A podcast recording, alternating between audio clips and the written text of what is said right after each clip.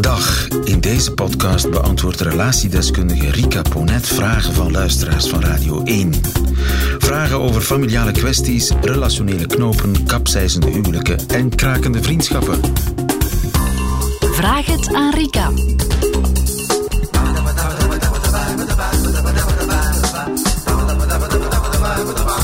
Rika, ik heb post voor jou.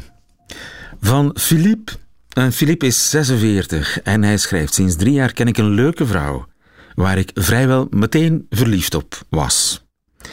Het was net voor het coronatijdperk, waardoor we elkaar meer en meer zagen. Hoewel ik een relatie meteen zag zitten, hield zij de boot af. Ze zei niet meteen nee, want ze wilde eerst terug gelukkig worden op zichzelf. Ze kwam namelijk uit een moeilijke periode. We trokken meer en meer met elkaar op en ik stelde haar voor aan vrienden en familie, waardoor ook met hen intussen een hechte band is ontstaan.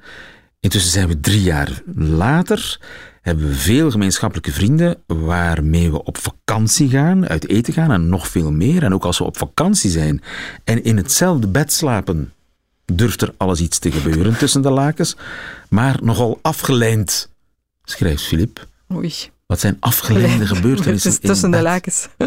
Ah, hij, hij verklaart het zelf. Kussen doet ze bijvoorbeeld niet. Mhm. Ook met familie en zelfs met mijn kinderen heeft ze een goede band. Zelf heeft ze geen kinderen. Als het onderwerp relatie dan eens aan bod komt, zegt ze dat ze niet verliefd is en twijfelt. Ze zegt dus ook niet volledig nee. Enkele van haar toevallig of niet vrijgezelle vriendinnen zeggen haar dat ze haar eigen weg moet gaan en niet mag blijven hangen, zonder mij ooit ontmoet te hebben. Lopen deze vriendinnen niet erg hoog op met mij en gezien ze zelf een eeuwige twijfelaar is, helpt dit negatief advies natuurlijk niet. Deze vriendinnen wil ze ook niet aan mij voorstellen, om de een of andere reden. We zijn drie jaar verder en we zitten nog altijd in de friendzone, met heel af en toe dat beetje meer. Ze blijft twijfelen en ik blijf verliefd en kan ze niet loslaten. Hoe kan ik dit doorbreken? Hoe moet ik dit aanpakken? Filip, Ja. 46, al drie jaar, trippelend als een hondje, Ja, in, ehm, ja, achter een vrouw die eigenlijk zegt, "Mm, pof, niet kussen, graag.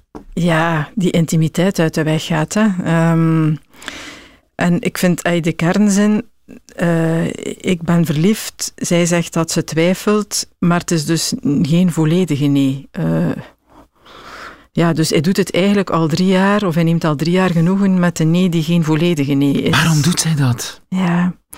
Nu, wat vaak speelt als je al drie jaar zoiets volhoudt, dat is de angst voor de verlieservaring. Nog veel meer dan, dan als je een paar maanden bezig bent. Ah, Je bent al drie jaar bezig, je hebt daar al drie jaar zoveel in geïnvesteerd.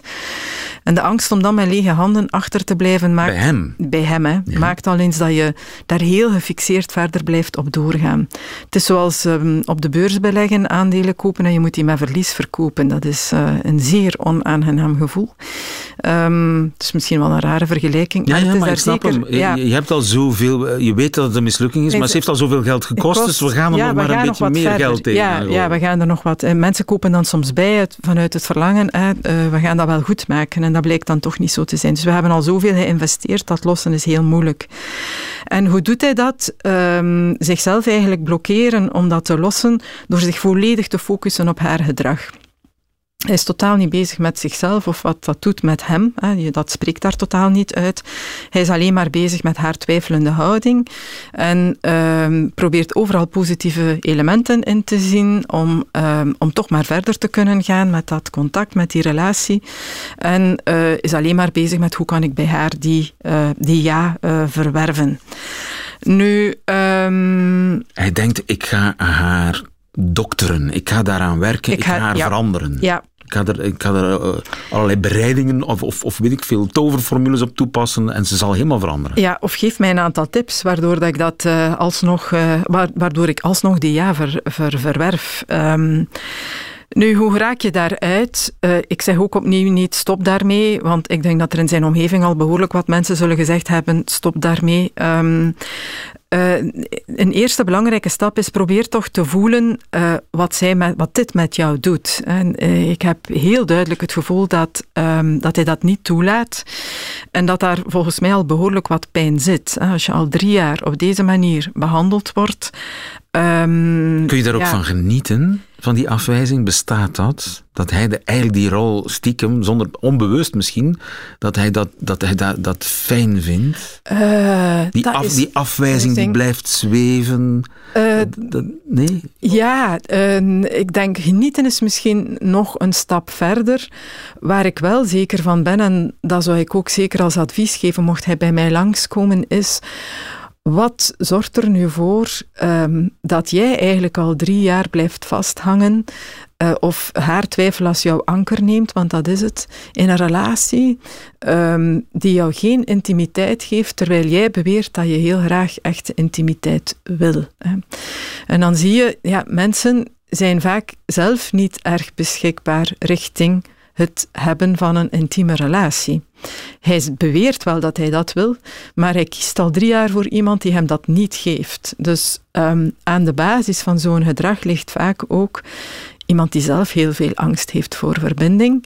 En dat um, kan projecteren op die andere. Dus zijn hij angst, kiest voor iemand die eigenlijk onbereikbaar die blijft. Die onbereikbaar blijft, en ja. Van, en daarvan geniet hij eigenlijk. En dat is een oud patroon. Meestal eh, gaat dat over, um, ja, vaak ook in je kindertijd of in je jeugd of in vorige relaties, maar het zit heel vaak al in de kindertijd, in het contact met je ouders, dat liefde uh, iets heel voorwaardelijks was, of dat je uh, voor de liefde en de aandacht, de erkenning van je ouders altijd hebt moeten vechten en dat je ze uiteindelijk toch nooit echt kreeg. Hè. Dat, zijn, of dat is het type ouder dat iedereen zich daar iets kan bij voorstellen, die als je je best hebt gedaan op school en je hebt mooie cijfers, er niets gezegd wordt, omdat ja. goed maar is zoals het hoort. En alleen maar commentaar geeft uh, als het niet goed is. Ja. Hè? Alleen maar kritiek uit. Goed, maar komt het ooit goed tussen die twee? Um, uh, ik, dat weet ik niet. Maar um, wat ik erg belangrijk vind is, um, ik zou hem zeker het advies geven. Eén, voel bij jezelf in wat dit met jou doet. Je bent jezelf al een hele lange tijd aan het, aan het verwaarlozen. en twee, durf eindelijk ook zelf, in plaats van zo te overfunctioneren in deze relatie, stop eens met het in te vullen, met ik ben er zeker van dat hij de hele tijd de initiatiefnemer is, degene is die de relatie faciliteert, die haar overal in betrekt. Stop daar eens mee. Laat het initiatief eens van haar kant komen. Uh, en kijk eens of er dan effectief nog initiatief komt. Um, de kans is reëel, zij is er uiteindelijk ook al drie jaar mee bezig. Hè, dat, Wat uh, drijft haar? Ja, een beetje een gelijkaardig verhaal. Eigenlijk wel genieten van het feit dat iemand uh, jou heel sterk wil, maar dat toch niet echt toelaten. En wat zie je heel vaak in dat soort dynamieken? Op het moment dat degene die altijd aangeklampt heeft zich terugtrekt, Um, dan uh, wordt degene uh, die altijd opgejaagd geweest is of aangeklampt geweest is, zich ineens bewust van het feit, oei, die is er niet meer. Hè? Die is van de dansvloer en hier sta ik nu alleen en ik wou wel niet dansen met hem, maar hij stond er toch op en hij nodigde mij heel de tijd uit. Oei, en nu is hij ineens weg. En dan zie je dat er aan die kant opnieuw ook een soort van angst ontstaat. En kunnen voor, de rollen omgedraaid En kunnen worden. de rollen omgekeerd worden, ja. ja. Een gevaar is daar dan dat je zo in een soort dynamiek belandt van... Uh, ja, hoe lang kan dit doorgaan? Aantrekken, afstoten en dan weer aantrekken.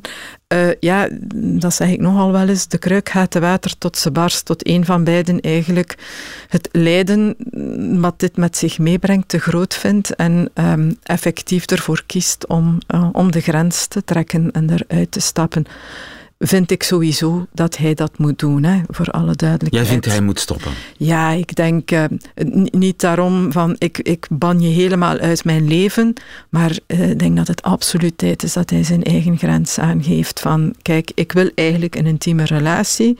Jouw antwoord is twijfel. Ik neem dat niet meer als antwoord. Ik wil een duidelijk antwoord. En uh, zolang je mij dat antwoord niet geeft, ja, ja dan stopt het hier. Ja. En een, een ultimatum. Eerste, een ultimatum. En een eerste poging die hij daar rond al kan ondernemen en die voor hem waarschijnlijk wat minder als een verlieservaring wordt ervaren, is effectief stoppen met het helemaal invullen van de relatie en het initiatief eens bij haar te laten en voor zichzelf dan in te voelen, wat doet dat nu met mij? Wat doet zij? Dus wat, wat is voor haar de werkelijke waarde van mij in deze relatie? En uh, is dit eigenlijk waar ik verder mee wil gaan? Ja. 46 is Filip. Ik hoop dat we jou goed geholpen hebben, Filip. Heeft u zelf een vraag voor Rika Ponet? Stuur ze dan naar nieuwefeiten.radio1.be. En wie weet hoort u het antwoord in een volgende podcast. Namen worden sowieso veranderd.